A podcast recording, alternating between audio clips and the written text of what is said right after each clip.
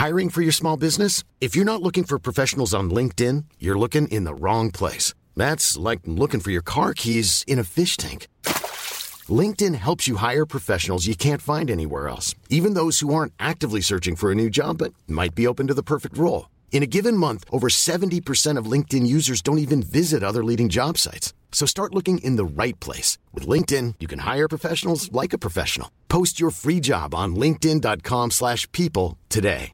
Imagine the softest sheets you've ever felt. Now imagine them getting even softer over time. That's what you'll feel with Bowl and Branch's organic cotton sheets. In a recent customer survey, 96% replied that Bowl and Branch sheets get softer with every wash. Start getting your best night's sleep in these sheets that get softer and softer for years to come. Try their sheets with a 30-night guarantee. Plus, get 15% off your first order at bowlandbranch.com. Code BUTTERY. Exclusions apply. See site for details. There's never been a faster or easier way to start your weight loss journey than with PlushCare. PlushCare accepts most insurance plans and gives you online access to board-certified physicians who can prescribe FDA-approved weight loss medications like Wigovi and Zepbound for those who qualify. Take charge of your health and speak with a board-certified physician about a weight loss plan that's right for you. Get started today at plushcare.com slash weight loss. That's plushcare.com slash weight loss. plushcare.com slash weight loss. Så designar vi fram rätt beteenden. Ja, vi fattar ju varje dag massvis med beslut. Vissa är vi nöjda med och andra kan vi i efterhand önska att vi, ja, inte fattat. Ibland önskar vi att vi gjorde mer på automatik. Kanske en sån enkel sak som att tidrapportera på mitt jobb, som blir väldigt besvärligt om man hoppar över det några dagar. Och ibland önskar vi att vi blir påminda om att stanna upp och tänka till en sväng. Som innan vi köper en jättebillig grej på rea och i efterhand konstaterar att det blev lite för lite pengar kvar i plånboken. Men det tänkte vi inte på i stunden eftersom originalpriset var ju mycket högre och samtidigt blinkade det bara tre exemplar kvar i nätbutiken. Ja, vi gör helt enkelt inte alltid riktigt som vi tycker att vi borde. Nej, så är det verkligen. Och beteendeekonomi, som vi ska prata om idag, det handlar om just det. Att förstå hur vi människor egentligen fungerar när vi fattar beslut. För särskilt rationella är vi inte visade sig. Men det som är bra, det är att den förståelsen, det kan både du och din arbetsplats dra nytta av.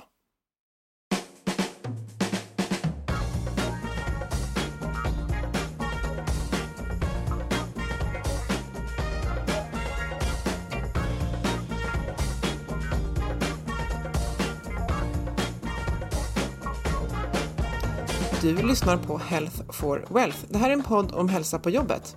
Människor som mår bra, de kan prestera bra. Så hänger det ihop. Det handlar väldigt ofta om bra samarbeten, om att få till dem.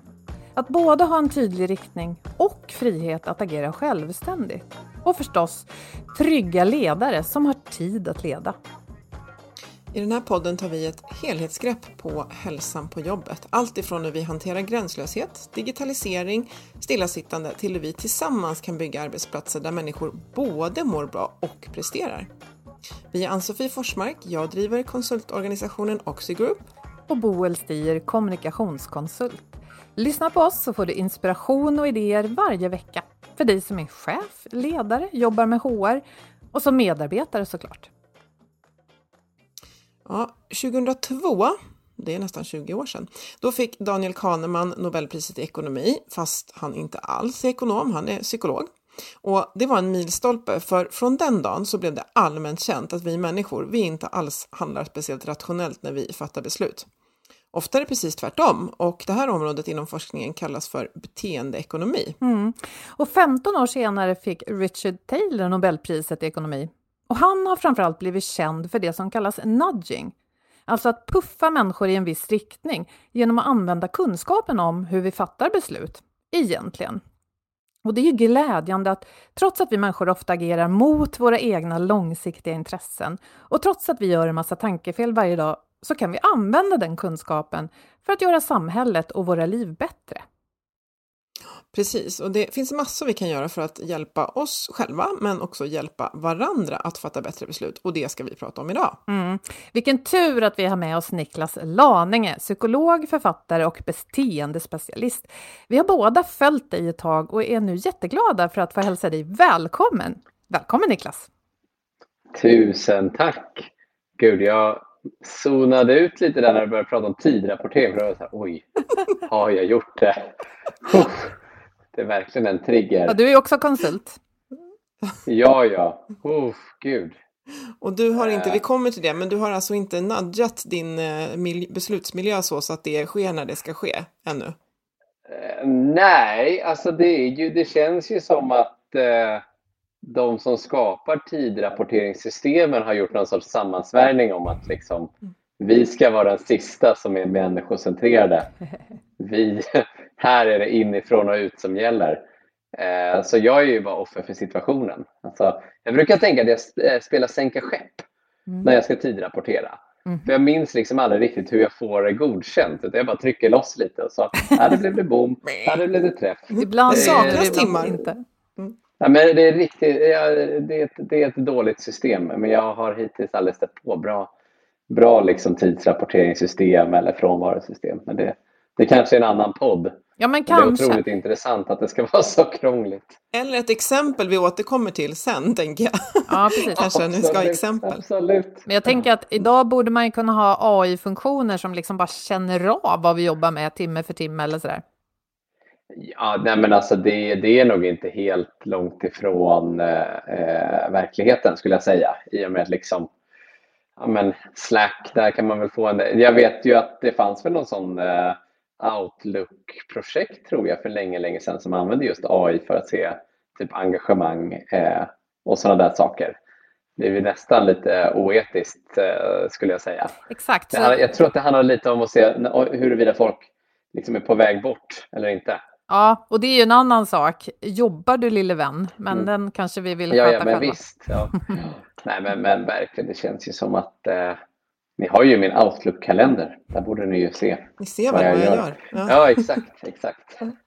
Eh, ja, det touchar lite till, för vi har velat ha med dig i podden länge. Vi ville prata om beteendeekonomi, alltså det som vi beskrev alldeles nyss. Men eh, vi har ju också läst din bok och den heter ju Beteendedesign och vi rekommenderar den varmt att läsa.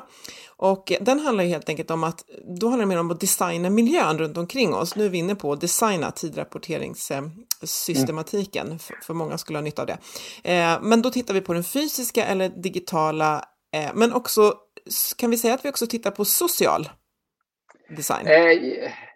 Ja, men i viss, i viss mån så är det ju liksom ofta i våra projekt som jag och mitt team gör, alltså hur rådande normer ser ut, vad andra gör, är ju alltid en viktig komponent. Eh, men dock ska sägas att, att det blir ju liksom ganska, eh, det, det blir ganska svårt att liksom använda det. Vi brukar, man brukar kunna använda det om vi ser att liksom ett beteende är mycket mer norm än vad, vad folk upplever att det är. Då kan man ju använda beteendedesign för att på något sätt highlighta att det här vi vill att, att alla ska göra. Eh, vare sig att det är liksom ge sina barn godis bara på lördagar eller att det är att unga vuxna ska träffa studie och yrkesvägledare eller vad, vad det nu kan vara för projekt. Så kan man ju faktiskt liksom visa att de flesta gör det här. Är det däremot så att beteendet liksom inte är norm, då får man ju hitta andra sätt för att liksom förenkla så att det sakta men säkert en vacker dag är så lätt att utföra så att det blir norm. Mm. Men, eh, men, men i, i regel så kan man väl säga att liksom det sociala är ju en jätteviktig pusselbit. Och ibland har man det med sig eh, och ibland har man ju tyvärr det emot sig när man jobbar med väldigt svåra beteendeförändringar. Mm. Mm. Vad intressant. Det som fascinerar mig ofta om, när jag hör eh, människor som jobbar med sånt som du gör, Niklas, det är hur, hur små och specifika detaljer man behöver arbeta med för att få en effekt. För jag lyssnade i förra veckan på dig och en person från Svenska Dagbladet på ett webbinarium som ni höll.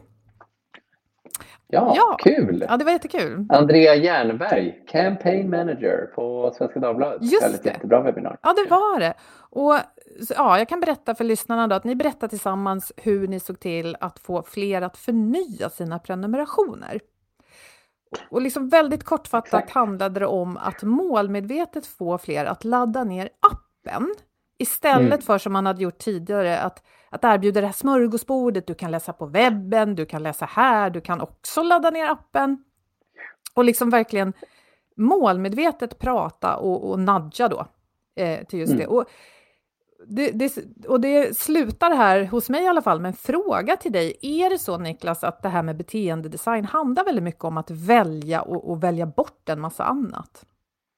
Eh, ja men absolut. Eh, I projekten så handlar det ju alltid i början om att på något sätt hitta det där, ja men det vi kallar för målbeteende. Jag tycker det här, eh, det, det är ju ett lite eh, unikt perspektiv om man tänker beteendeförändring. Jag jobbar ju i regel, som, som i det fallet med Svenska Dagbladet, då, vi jobbar ju med, med deras utsida, vi jobbar ju med deras kunder, med deras prenumeranter. Eh, jämfört med traditionellt, eh, jag menar, ni, du, du, i försnacket där pratar vi lite om OBM, Organizational Behavioral Management. Långt ord. Eh, andra psykologkollegor, andra organisationspsykologer, de jobbar ju mer på insidan av, av eh, organisationer. Och, och, och, till skillnad så försöker ju liksom vi alltid hitta de där, ja, men det där beteendet som på något sätt kan skapa med flest ringar på vattnet. Så i Svenska Dagbladets fall så såg vi tydligt i datan. De som eh, börjar nyttja Svenska Dagbladets app, ja, men de får ju sådana här notiser. De som får notiser, de läser mer artiklar. De som läser mer artiklar får ut mer värde av, av tidningen och således stannar de kvar. Mm. Eh, så precis som du sa, varför prata om ett smörgåsbord av liksom beteenden? Mm och istället bara fokusera det när, när det är väldigt mycket som pekar på att det här är det mest centrala beteendet. Så, så det är ju liksom ett sätt som vi jobbar i det lilla. Alltså vi, vi hittar målbeteendet. Eh, och där, där är ju vi som sagt väldigt annorlunda jämfört med hur organisationspsykologer historiskt sett har jobbat. Där jobbar man ju kanske mer med eh, ja, men det är mer sådär intrapersonella processer och den typen av frågor. Eh, också kommunikation. Mm. Det brukar, brukar gå lite stick i stäv med, med, med, med, kommunikationsuppdrag som våra kunder har också. I det att man kanske försöker göra en, en insats som ska påverka många beteenden. Mm. Så, så på det sättet är vi verkligen i det lilla. Eh, och sen så just när vi jobbar med liksom nudging eller sådär last mile solution, slutstationslösningar, då är det ju också, givet förutsättningarna, små förändringar som förhoppningsvis ska leda till stora resultat. Eh, som i fallet Svenska Dagbladet, vi la in lite prompts för appen. Eller inte så några, men det var ganska många. Men, men det var en marginell förändring av onboardingprocessen. Mm. Men som alltså ökade betalande prenumeranter med 115 procent. Mm. Mm. Bra siffra. Så, ja. Eh, ja, men den var ju helt... Eh, det är ju nog nästan rekordet i ett projekt faktiskt. Mm. Det, var, det var otroligt. Men där var det ju små, små förändringar, stora resultat eh, och det kom ju via liksom förstå vilket beteende är det som man måste göra och vilka barriärer är det kring det här. Mm. Och ja, det, just där och då föll det väldigt, det, det föll bra ut. Jag gissar att samma typer av frågor man behöver ställa sig när man ska hjälpa en, en tidning att få fler prenumeranter eller aktiva på något sätt eh, kommer vara lite samma frågeställning eller tankesätt man behöver ha när man, när man eh, hjälper människor i, i allmänhet. Och jag vet att du är konsult på företaget PBM och ni är jättemånga, men några av dina kollegor och du, ni hjälper ju företag och organisationer, alltså arbetsplatser och människor där, att få till beteendeförändringar. Och om vi börjar med, vad är det vanligaste som man söker sig till er för att få hjälp med då? Eh, nej men där, där måste jag ju göra lite besviken för att jag, min enhet, eh, enheten för beteendeinsikter, vi har nästan alltid, vi startade den här enheten för två år sedan. Och innan dess så hade det varit mm, framförallt organisationspsykologer som precis gör det du beskriver Eh, jobba på kundens insida med liksom, ja, men, beteendepsykologiskt angreppssätt för en intern beteendeförändring. Eh, men jag, eh, av olika anledningar, har aldrig liksom hamnat i sådana uppdrag. Eh, vi har ett sådant nu, ska sägas. Eh, och det är lite för tidigt för att gå in på detaljer, men man kan väl säga att det handlar lite om, om en stor organisation som vill, att, eh, vill främja liksom kunskapsdelning och utveckling. Eh, vissa kanske skulle säga innovation, andra skulle absolut inte vilja kalla det för innovation.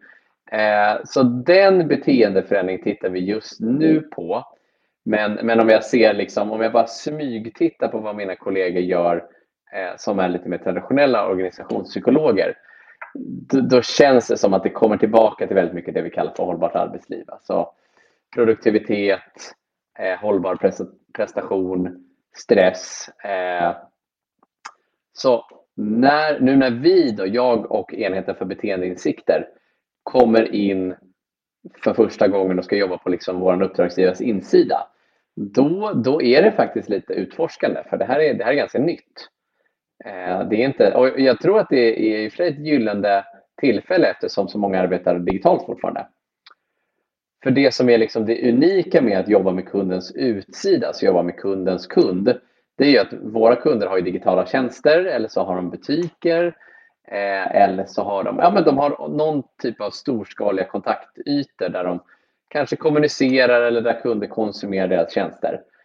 Och då är det väldigt lätt att få till de där små förändringarna för att liksom öka vissa typer av beteenden eller bygga piloter, bygga liksom alternativa tjänster eh, utifrån våra beteendeinsikter. När vi arbetar på kundens insida, då är det lite svårare att hitta de lösningsytorna.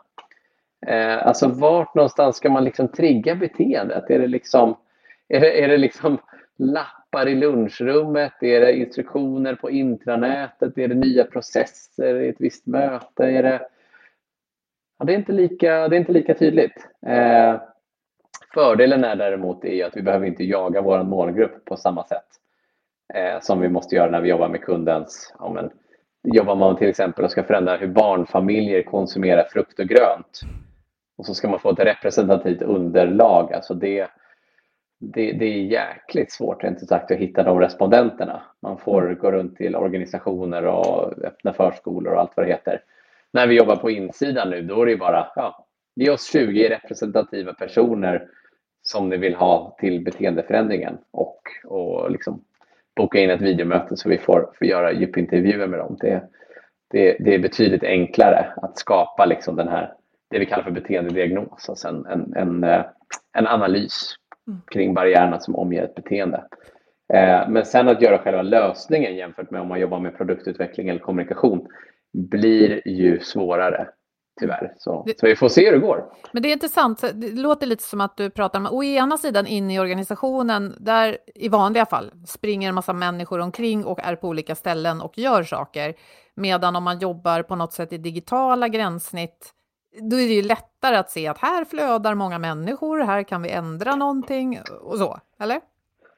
Ja, ja men visst. Sen, sen skulle jag nog säga att liksom, det finns en mycket högre mottaglighet Eh, nu, jag vill inte outa min, min kund här för det här interna, men det är, det är väldigt roligt att det, de är så himla peppade på att testa någonting nytt.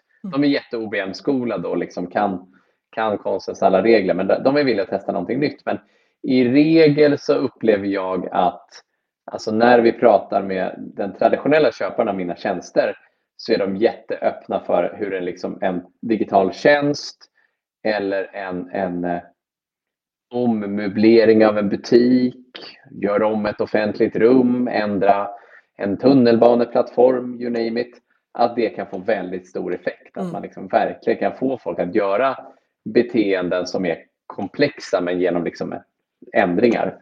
Eh, jag upplever att det inte riktigt varit liksom samma, samma, samma liksom mottaglighet för att prata om det på det sättet när vi pratar om insidan. Mm.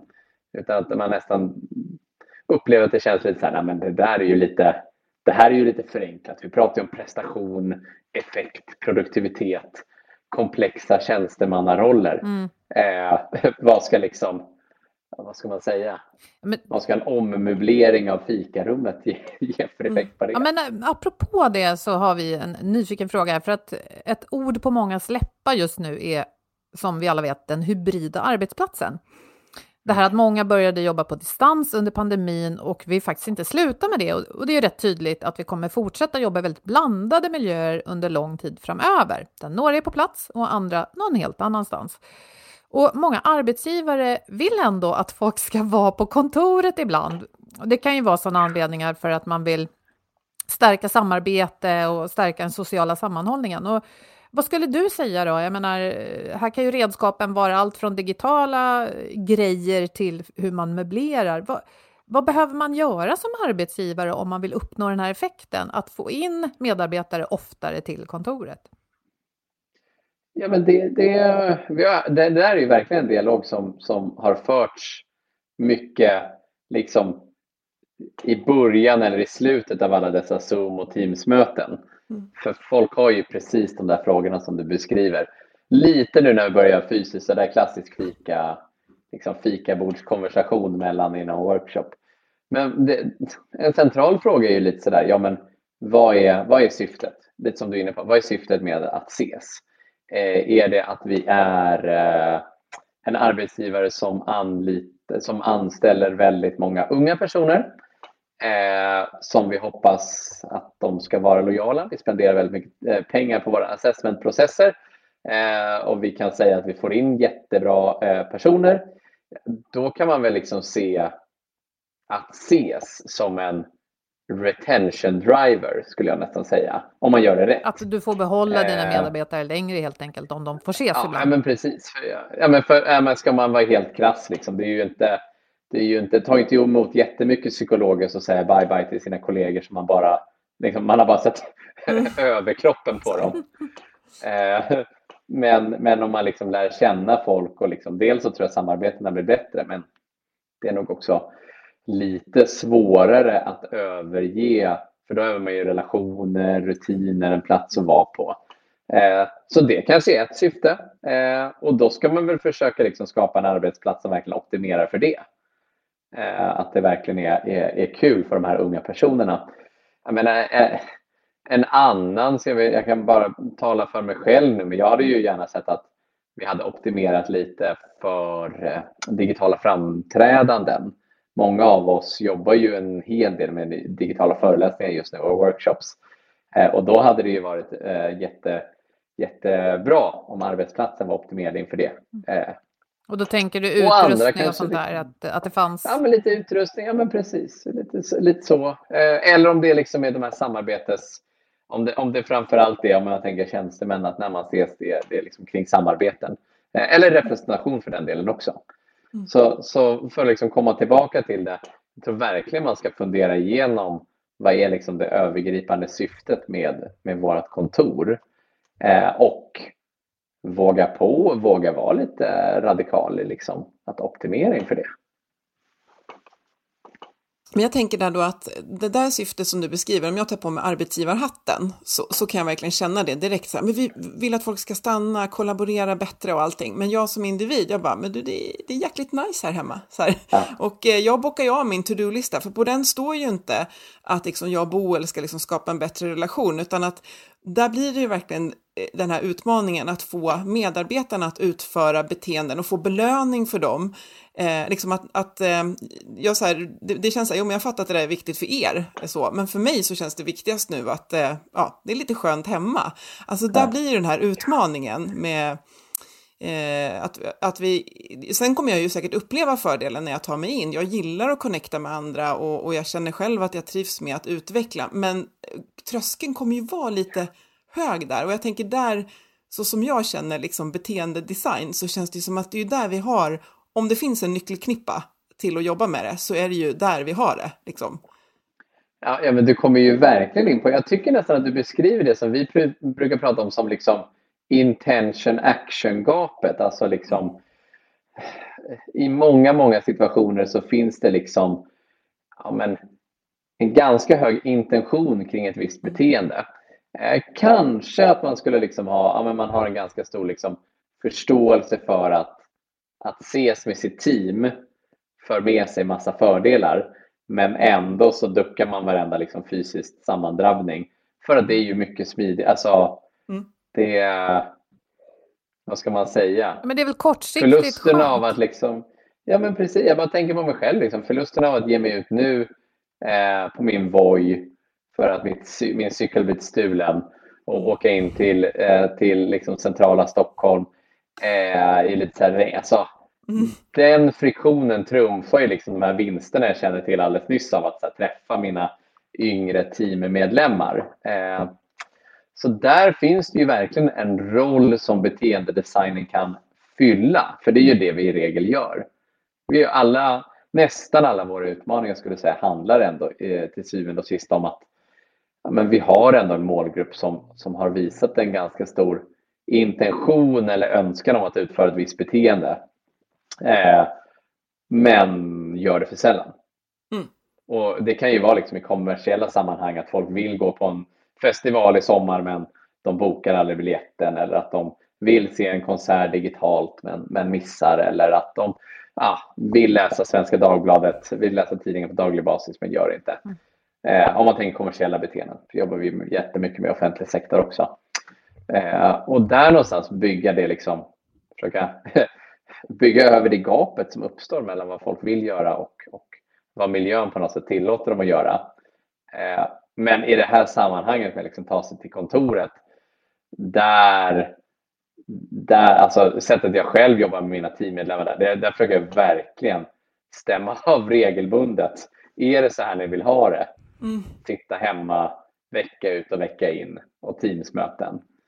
Eh, och jag skulle nog ändå tro att vi har en väldigt öppen dialog eh, och att de säger till om dem. Men jag upplever att det passar alla dem jättebra och det passar mig fenomenalt. Mm. Mm. Och liksom småbarnsförälder också. Mm. Mm. Så, så man ska inte man ska ju inte tvinga in något beteende bara för att det står i någon artikel någonstans att det är bra att ses. Nej, men jag tänker att om man lyckas förklara för, nu bara tar jag ett exempel för att vi ska ha ett exempel att diskutera. Det kan ju vara något helt annat man behöver hjälp med på arbetsplatsen. Men om vi låtsas då att det är det här att få folk att ses lite oftare, kanske inte jämt. Mm. Och då var ni inne på det här att den långsiktiga belöningen, den finns där och det vet vi egentligen. Så intentionen som du sa Niklas finns där, men det behöver finnas en, en snabb belöning också. Och skulle det kunna vara något så enkelt som att ja, men eh, för de som kommer in så bjuckar vi på lunch? Alltså, ja men verkligen. Jag, jag eh, tar ett litet sidospår in till den där. Det var bara jag hörde från en, en jätterolig, eh, vi har en kund som kör bussar runt omkring i landet. Eh, och de, det här var ett projekt de gjorde utan vår hjälp, så, så man, behöver, man behöver inte alltid beteendepsykologer. Det handlade om att få liksom, busschaufförer att köra lite mer sparsamt. Så man kan ju liksom tracka folks bränsleförbrukning och man har testat massa olika liksom miljöargument och hej och hå. Eh, Men det som har funkat absolut bäst, eh, och där gjorde de ända fram till pandemin då, det var de depåer vars förare körde bränslesnålast. De bjöds på eh, fredagsfrukost på depån. Eh, så vi pratade ganska många depåer, så att, att många var engagerade i den här tävlingen. Alla ansträngde sig, det var bara en vinnare. Eh, så den här liksom viljan att äta lite bättre tillsammans var otroligt stark i det sammanhanget. Jag ville bara, det var kanske lite sidospår här. Eh, men återigen, det du säger, alltså jag tror att du är inne på någonting jättebra i det att så här, ja, men vi har ju som så ofta de här liksom långsiktiga konsekvenserna. Det är jättemånga av de beteenden vi jobbar med eh, i, i våra projekt. Alltså, folk känner till de långsiktiga konsekvenserna. De vet att det är bra att eh, vika upp sina kartonger och slänga dem på förpackningsinsamlingen. De vet att det är bra att träna. De vet att det, det är, är bra att köpa nyckelhålsmärkta produkter etc. etc. Men ändå så gör de det inte. Så ett sätt att kanske komma runt här skulle ju vara precis som du är inne på Boel med liksom lägga lite någon, någon annan typ av belöning lite närmre. Eh, risken alltid när vi börjar belöna beteenden är att folk börjar titta på den där kortsiktiga belöningen och så tänker men den där är inte så värdefull för mig så det är helt rationellt att skippa Mm. att åka in. Mm. Eh, för det är ju ändå äckliga för alla. Ja, då har man bjudit på lunch i Eh. onödan.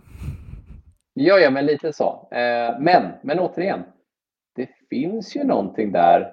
Alltså jag själv just nu sitter väldigt mycket och tittar på så lokalkostnader, alltså räkna på hur många dagar har vi varit inne och liksom, alltså vi sitter ju i centrala Stockholm, vi är ett litet team förvisso, men det blir ju ändå liksom pengar. Eh, och vad kan man göra för dem om man ändå bara så ska ses var, en gång i veckan kanske? Vad kostar det att hyra en eh, fin konferens, eh, konferensrum på någon fin central? Alltså det, det är verkligen att så här, börja fundera på hur kan man göra det riktigt, riktigt, riktigt trevligt när man väl ses. Mm. Mm. Eh, så vi, vi, får se. Det blir ju lite mer administration, men det var så slående när jag såg våra lokalkostnader. Det nästan skulle kunna motsvara liksom, tre heldagar på eh, ett konferensrum på Tilska galleriet, inklusive lunch. Då började jag känna lite så här, men mm. alltså, så, mm. så mycket älskar jag inte Selecta kaffe. Vi måste vara liksom här inne. Nej, men det där, ja. den här nya hybrida situationen utmanar ju då mm. våra sätt att jobba på många sätt och till exempel att man kanske funderar på att inte ha ett kontor utan ja, olika hubbar och co-office-platser. Ja, visst. Men det är intressant. Ja, men, men, jag tänker på en annan sak i det hybrida. Det vi gör just nu, för vi spelar in det här digitalt så att vi ser varandra på små rutor. Eh, mm. och, och, så hör vi varandra då förstås. Och den här typen av möten har vi ju eh, ägnat oss mycket åt de senaste nästan två åren. De är mm. ofta eh, tröttande och tråkiga, vi ser inte så mycket av varandra, det blir oengagerat och eh, man blir trött i ögonen. Hur, hur ska man kunna jobba med det här digitala gränssnittet för att för vi vet ju ändå, forskning säger att det är vissa saker som, som är bra, att ha lite kortare möten, att se till att alla är engagerade. Vad skulle du som beteendedesigner kunna tänka dig för saker? Du kanske har funderat på det för att göra möten bättre? Eh, ja, men jag har funderat på det väldigt mycket, men det är nog lite skomakarens barnsituation här. Eh, vi har ju väldigt många av våra projekt när vi träffar uppdragsgivaren är ju workshops och de är ju tre timmar på Zoom. Eh, så det, jag tror inte vi alltid lever som vi lär. No, eh, liksom, så lite enkla grejer som jag ändå har liksom implementerat ganska snabbt här, det är ju att, eh, att sänka, som, som så många av våra projekt handlar om att sänka trösklarna, alltså bara göra det enklare. Eh, och framförallt i början. Eh, är man med på våra webbinar, är man med på liksom våra utbildningar eller när jag föreläser digitalt, så man är väldigt, väldigt mycket i chatten. Och det är inte liksom att vi ber folk skriva långa essäer eller briljanta analyser, utan det kan vara fråga, hur ser det ut där du bor? Är det varmt? Vad tycker du om det här? Alltså att verkligen försöka få folk att vara, inte på hugget men bara så här, sänka tröskeln för att, för att eh, skriva in saker på det sättet. Mm. Jag jobbar mycket med så här Mentimeter, utforskat sådana här Kahoot eh, eh, tävlingar och sådana saker. Eh, när vi workshoppar så brukar vi alltid jobba i så digitala arbetsblad så att alla ser vad varandra skriver. För att skapa lite så social press. För det är ju otroligt lätt att eh, ja, men antingen att någon zonar ut eller fastnar i något viktigare ärende då, då inom citattecken. Eh, eller eller hitta, ja, hitta på att man måste ta ett samtal. Så där försöker vi skapa lite, liksom, ja, men lite positiv peer pressure. Eh, för det uppstår ju i rummet. Ju. Mm. Alltså, om någon i en fysisk workshop hade satt sig med telefonen och börjat scrolla mejlen så hade ju någon ganska snabbt sagt till. Mm. Mm. Eh, men det är väldigt lätt att göra när alla är på video. Så där försöker vi liksom jobba att man ser varandra eh, väldigt mycket. Sen har vi börjat, och det där är apropå Kahneman som ni nämnde i början, hans nya bok Brus. Mm. Den, den pratar ju väldigt mycket om bedömningar och lyfter ju ett varningens finger kring just eh, bedömningar som utförs i grupp. Mm. Alltså en grupp ska komma fram till, eh, ja, men i våra fall, vilket beteende ska vi fortsätta med, vilka, vilka liksom tekniker är intressanta etc. etc. Eh, här har vi verkligen eh, börjat göra bedömningar individuellt och liksom inför våra workshops. Mm. Så att vi inte... Så att vi in, för jag upplever nästan att det är ännu liksom tröskeln för att börja prata i ett digitalt möte är nästan ännu högre. Eh, och, och, och, det som händer är ju oftast att den första som öppnar munnen, mm. han eller hennes eh, liksom, åsikt tenderar att färga av mm. vad de andra tänker och tycker. Mm. Så där har vi kört mycket, mycket egentligen hemläxor inför, inför workshops. idag kommer vi gå igenom det här, rangordna vilka du tycker är viktigast. Eller här är ett sätt som vi betygsätter den här typen av insats. Eh, gör ett första eget försök via det här arbetsbladet. Och så ses vi i grupp och liksom. Och då får ju alla börja med att säga, vad fick du för poäng? Mm. Så tröskeln för att öppna munnen är ju jättelåg. Man behöver bara säga 20, 10, 19 etc. Och därefter så blir det ganska lätt för oss som faciliterar. Jaha, du sa 10 men du sa 20. Mm. Kan ni berätta lite mer?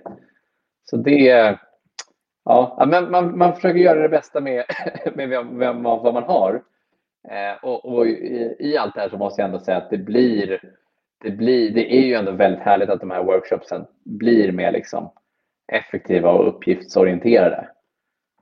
Det är ju, det är nästan noll trivsel och, och mys och det är ju ett problem såklart. Ja. Eh, men de blir väldigt, väldigt effektiva. Alltså. Mm. Så vi behöver hålla dem lite korta och se till att folk är engagerade. Alltså det där med, det där med korta har vi inte riktigt lyckats med än, om jag ska vara helt ärlig. Utan det blir oftast liksom halvdagar, men, men eh, regelbundna pauser mm. eh, om inte annat. Mm. Mm. Eh. Fylla på med syret. Men liksom. där kunde man ju absolut lägga ja. in eh, i de här olika verktygen, Zoom med flera, att eh, när man har kört i, vad vet jag, 40 minuter, kanske en liten ping nu har ni oavbrutet haft igång det här mötet i 40 minuter. Är det någon som vill sträcka på benen? Ja, men så. Det är ju en superbra idé. Alltså jag tycker det påminner om eh, de här eh, triggersarna som bilar har numera. De här driver, mm. driver mm. alert, kaffekoppen. Ja. Mm. Eh, det vore ju väldigt intressant, för jag skulle gissa om man skulle göra en beteendediagnos på liksom beteendet ta en paus i Zoom, eller ta en paus under möte. Jag skulle gissa att det liksom en, en barriär är att man vet liksom inte vad de andra tycker. Mm. Man vet inte hur accepterat beteendet, mm. ja men låt oss ta en paus nu.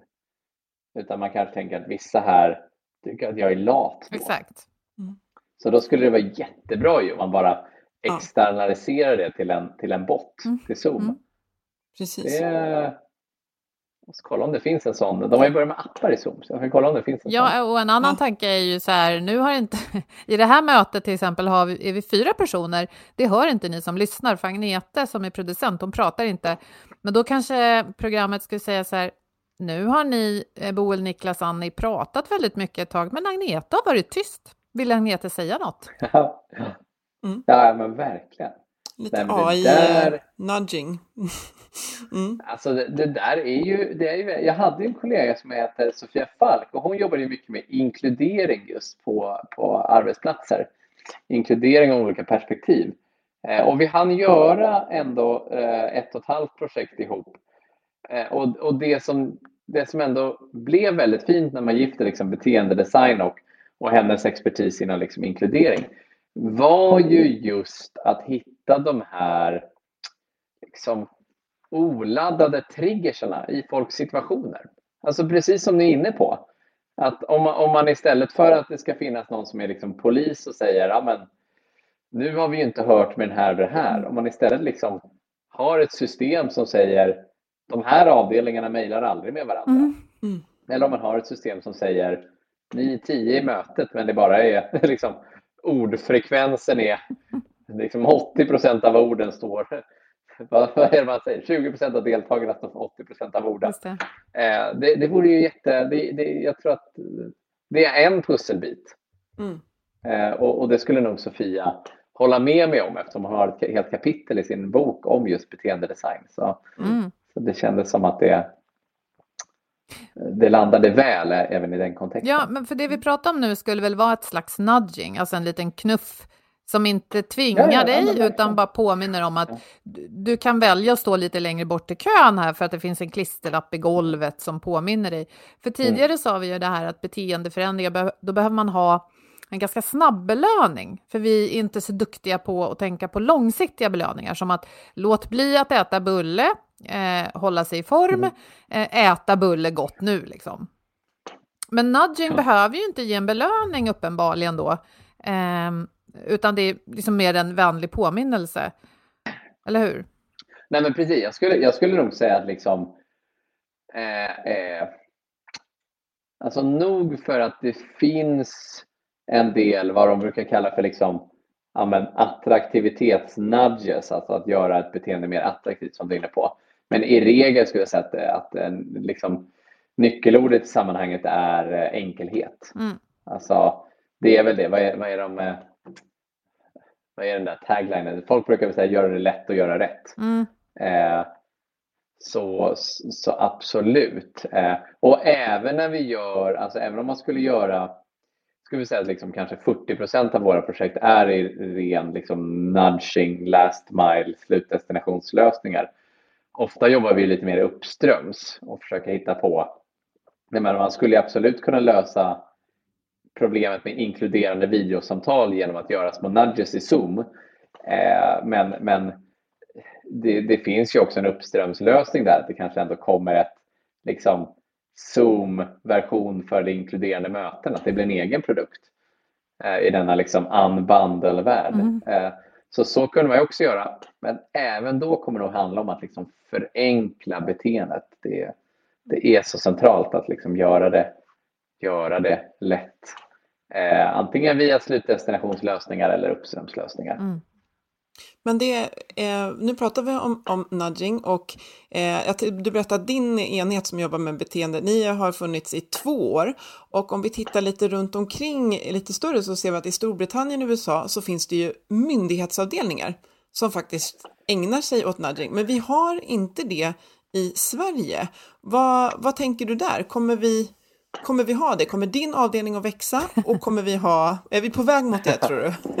att vi har nej, myndighet? Nej, men jag, kan ju, jag kan ju verkligen säga att vår avdelning, den, vår avdelning har vuxit med liksom, ja, plus 100 procent per år de senaste. Vi lägger till, vi, vi anställer liksom. Eh, så om man hör det här och är sugen så är det bara att höra av sig.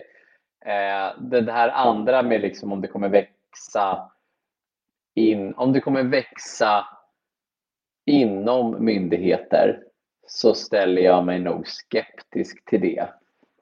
Eh, dels för att om man tittar på de, de, som har kommit långt, Storbritannien och USA, då har ju de haft de här, eh, ja men att, att nästa liksom premiärministern eller presidenten har sagt, nu ska vi prioritera det här. Eh, och, och vi kan ta bort en del av risken för, för er som vill använda dessa verktyg genom att liksom tillhandahålla lite så statliga konsulter. Och sen har, väl, sen har man ju, precis som man gjort inom teknikbolag, eh, som jag sa med det här chipset, alltså det blir ju, det blir ju väldigt ofta väldigt, väldigt bra resultat. Mm. Mm. Så, så privata bolag, teknikbolag, framförallt i USA, har ju varit snabba på att anamma perspektivet internt sen. Och i Storbritannien och USA när det blivit bra, de har varit snabba på att anamma perspektivet internt där. Men vi har väl inte riktigt, vi har dels inte den här liksom toppstyrningen av offentlig sektor som man har i Storbritannien. Eh, och sen så finns det inte lika många bra, bra exempel från offentlig sektor i Sverige.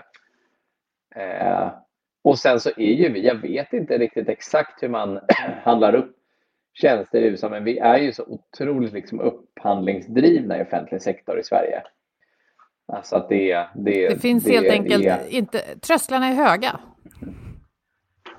Ja, ja men jag skulle, trösklarna är liksom så otroligt höga i det att det är ju, no, att göra någonting för första gången är ju förknippat med risk, potentiella förluster, att framstå som annorlunda eh, och det checkar liksom alla boxar för vad vi människor inte vill ha när vi utför ett beteende. Mm. Så eh, så det korta svaret är jag tror liksom inte vi kommer se något liknande här. Eh, och varenda britt som man pratar med i offentlig sektor tycker det är supermärkligt mm. när man säger att det inte finns en beteendeenhet på Folkhälsomyndigheten eller ja. Pensionsmyndigheten. Men, det har jag tänkt på mycket under ja. pandemin och sådär. Jag, jag tänker att det var väl i din bok jag läste, eller möjligen en annan, om ja, men det finns så här bra exempel på hur just eh, jag vet inte om det är nudging eller om det egentligen är någonting annat, men det här med att jobba med förhandsval kan få människor att till exempel tror jag väl det var i Tyskland att man valde grön el. Att, ja, ja vill du berätta om det exemplet? Eh, ja, men det exemplet är ju en studie. Alltså jag tror att jag har skrivit om det i två av tre böcker, så det är lite så överanvänt. Men förval är ju alltså när man, när man, när man ger kunden liksom ett, man har redan bestämt och så måste hen liksom ta ett aktivt beslut om man inte vill ha det. Eh, och i just den här studien så testade man med folk som tecknar ett nytt elavtal. Eh, hälften har tecknat, eh, får veta att du får per automatik grön el. Vill du kunna spara lite euro varje år så kan du liksom göra ett aktivt beslut att välja el från fossila bränslen och sen den andra gruppen får då eh, det omvända. Du får fossil bränsle el. Eh, vill du ha grön el så kan du välja det här. Det kommer dock kosta lite mer per år. Eh, och nu minns jag inte exakt den siffran, men i regel när vi testar förval så är det ju nästan som från att liksom, ja, men ett beslut kanske går från 5% till att det snarare är liksom 95% som står kvar vid det förvalda. Mm. Så det här gäller absolut el, det gäller maträtter på konferenser, det gäller bussbiljetter på festivaler har vi testat det. Det gäller pension, hur man vill ha sin tjänstepension utbetald, det har vi också gjort. Så, så förval är så otroligt kraftiga. Eh, vilket ju innebär att man måste verkligen hantera dem med silkesvantar. Mm. Eftersom det, det, man måste vara säker på att kommer folk vara nöjda med det här förvalet. Mm. Mm. Eh, det... Men någonstans kan man ju ändå tänka sig att om många behåller ett förval, det är klart det skulle kunna vara som en, en, en bokklubb där man aldrig, aldrig läser böckerna, men jag tror någonstans ändå att de flesta skulle vilja bidra till att det köps mer grön el. Men det, det är mm, så ja. mycket svårare att bocka i en ruta än att låta bli att bocka ur den. Och när, ja, ja, men absolut. Det kostade inte särskilt mycket mer heller, några hundralappar minns jag från det där exemplet. Eller det här med pensionspengar i USA var ju något liknande exempel, att man faktiskt eh, per default eh, satte av en peng och mm. så fick man liksom välja om man då istället ville spendera det direkt. Och det är ju sånt jag tänker. Ja, ja men precis. Jag tänker när man ska designa sin arbetsplats nu i, i den hybrida världen att eh, Eh, man kan ju tänka sig kanske att en arbetsgivare tänker i, i, några slags termer av förval, att så här jobbar vi på den här arbetsplatsen. Vi, vi ses på kontoret varje onsdag för att punkt, punkt, punkt. Och för övrigt mm. så är ni fria att jobba hemma, men ni får gärna komma in även då. Alltså det handlar kanske mycket om hur man kommunicerar mm. det. Ja. Nej, men jag tänkte på det, min förra arbetsgivare, då hade de, det var ju innan pandemin, men då, då hade de ju eh, måndagsmöten. Mm. Eh, och jag gick ju i princip aldrig på de där eh, måndagsmötena. Där hade jag ändå tänkt så här, tänk om de bara hade sett till att alla hade den bokningen. Ja. Eh, och att det fanns med en länk till liksom, Teams där det sändes också. Just det. Ja, men då kunde man ju lyssna in på det på vägen till jobbet till och med. Just det. Eh, det var så lustigt att det bara var, det bara liksom var någonting som man, man skulle internalisera nu är det måndagsmöte. Mm. Så den var, ju ganska, den var ju ganska enkel. Men en annan sån här rolig sak som vi hörde, det var någon, de hade problem med just mötesrum och där ändrade IT att eh, bokar man ett internt möte i Outlook då blev liksom plats per automatik walk and talk ja. ses i receptionen. Eh, så himla liksom fint det har jag varit med och tipsat ju... om på flera ja. arbetsplatser.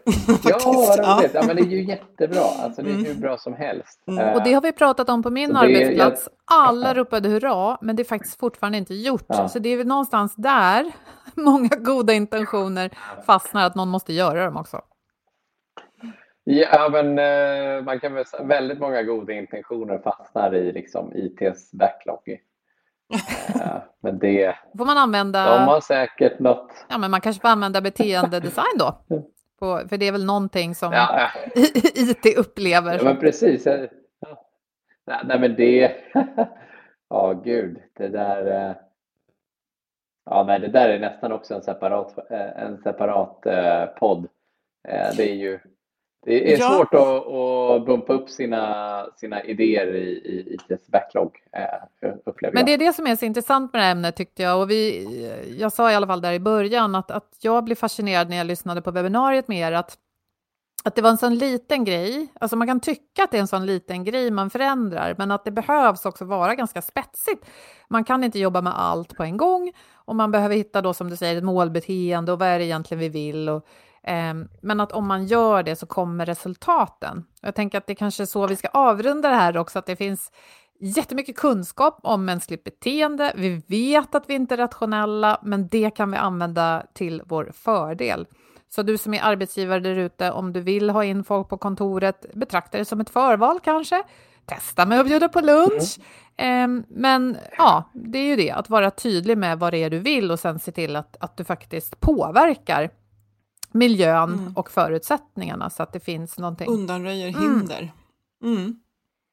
Ja, vi skulle jättegärna vilja prata med dig igen. Det finns så mycket inom det här som man kan, ja men vi kan, skulle kunna ta något spetsigt exempel och, och testa och resonera kring och eh, saker att beteendedesigna, det kommer det inte bli mindre av, det tror nog ingen, ingen av oss och inte våra lyssnare heller. Så att eh, du kommer nog ha att göra där, Niklas, tror vi. Mm. Eh, ja, men det är ett, eh, alltså, man har hållit på med, jag har ju hållit på med det här i snart 12 år. Eh, så det börjar väl liksom, ja, men det börjar verkligen kännas som att det, det lossnar. Eh, att det här som vi håller på med börjar ses som ett viktigt verktyg för att skapa beteendeförändring och alla jobbar ju med beteendeförändring. Mm. I grund och botten mm. är det ju liksom, ja, vi ska få folk att göra mer eller mindre av olika saker. Ja, alla verksamheter liksom som, som säljer någonting vill ju att eh, kunderna ska göra en beteendeförändring, köpa något till exempel. Ja, ja men visst, men, men, men även eh, expertmyndigheter vi jobbar med, de, det är ju lite mer storskaligt i det att de liksom vill påverka vad policyskapare liksom tar till sig och bestämmer eller vad ja, eh, företagare gör och så vidare. Men man kommer alltid tillbaka till, liksom, när man väl börjar skrapa på ytan, så finner man ju ganska snabbt att det är beteendeförändring som är mm. liksom, det stora ledordet. Så det, det är ju en bra tid framöver, hoppas jag. Och jag tänker att jag avrundar mm. det här samtalet. Tack så mycket för att du kom Niklas med att säga så här. Magdalena Andersson, om du lyssnar, då vet du var Niklas finns och det kanske är dags att skapa en sån här unit även i Sverige. Det Precis. vore ju otroligt alltså. Mm. Jag höll på att säga så här, jag gör det gratis. Vi klipper bort det. Vi klipper bort det. Ja, exakt. Jag vill klippa bort det. Nej, men Vi... Ja, men jättebra. Jättebra. Vi brukar lämna våra lyssnare med lyssningstips, eller lästips snarare, ja, lyssningstips också för den delen. Och vi har en samarbetspartner i motivation.se och de har alltid en mängd artiklar om allt möjligt. Och vi har valt den som handlar om hur man kan bryta en dålig vana. Det om något är ju en beteendeförändring genom att bygga ett nytt beteende. Och vi länkar till den från det här inlägget på vår sida och tackar Niklas och tackar alla er som har lyssnat och jag hoppas att ni fick mer inspiration till beteendeförändringar. Mm. Och vi tackar också våra samarbetspartners motivation.se och förstås Agda Media för den här produktionen. Följ oss jättegärna på LinkedIn och prata beteenden och annat med oss där. Och så hörs vi om en vecka igen. Tack så mycket. Hej då. Hej då. Hej då.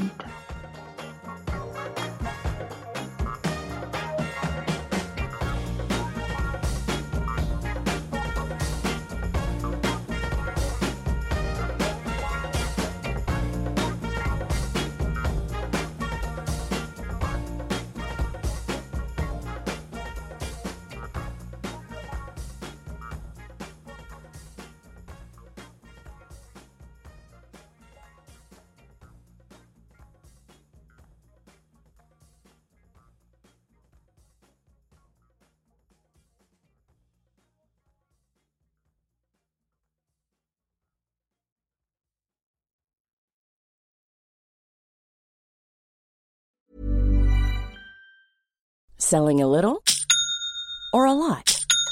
Shopify helps you do your thing however you cha-ching. Shopify is the global commerce platform that helps you sell at every stage of your business. From the launch your online shop stage to the first real life store stage, all the way to the did we just hit a million orders stage.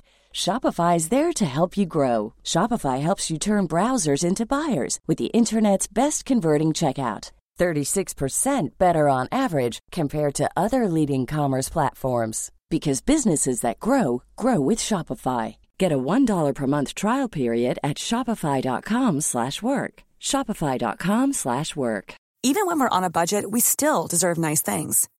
Quince is a place to scoop up stunning high-end goods for 50 to 80% less than similar brands. They have buttery soft cashmere sweaters starting at $50 luxurious Italian leather bags, and so much more. Plus, Quince only works with factories that use safe, ethical, and responsible manufacturing. Get the high-end goods you'll love without the high price tag with Quince. Go to quince.com/style for free shipping and 365-day returns. Planning for your next trip? Elevate your travel style with Quince. Quince has all the jet-setting essentials you'll want for your next getaway, like European linen, premium luggage options, buttery soft Italian leather bags, and so much more. And is all priced at 50 to 80% less than similar brands. Plus, Quince only works with factories that use safe and ethical manufacturing practices. Pack your bags with high-quality essentials you'll be wearing for vacations to come with Quince. Go to quince.com/pack for free shipping and 365-day returns.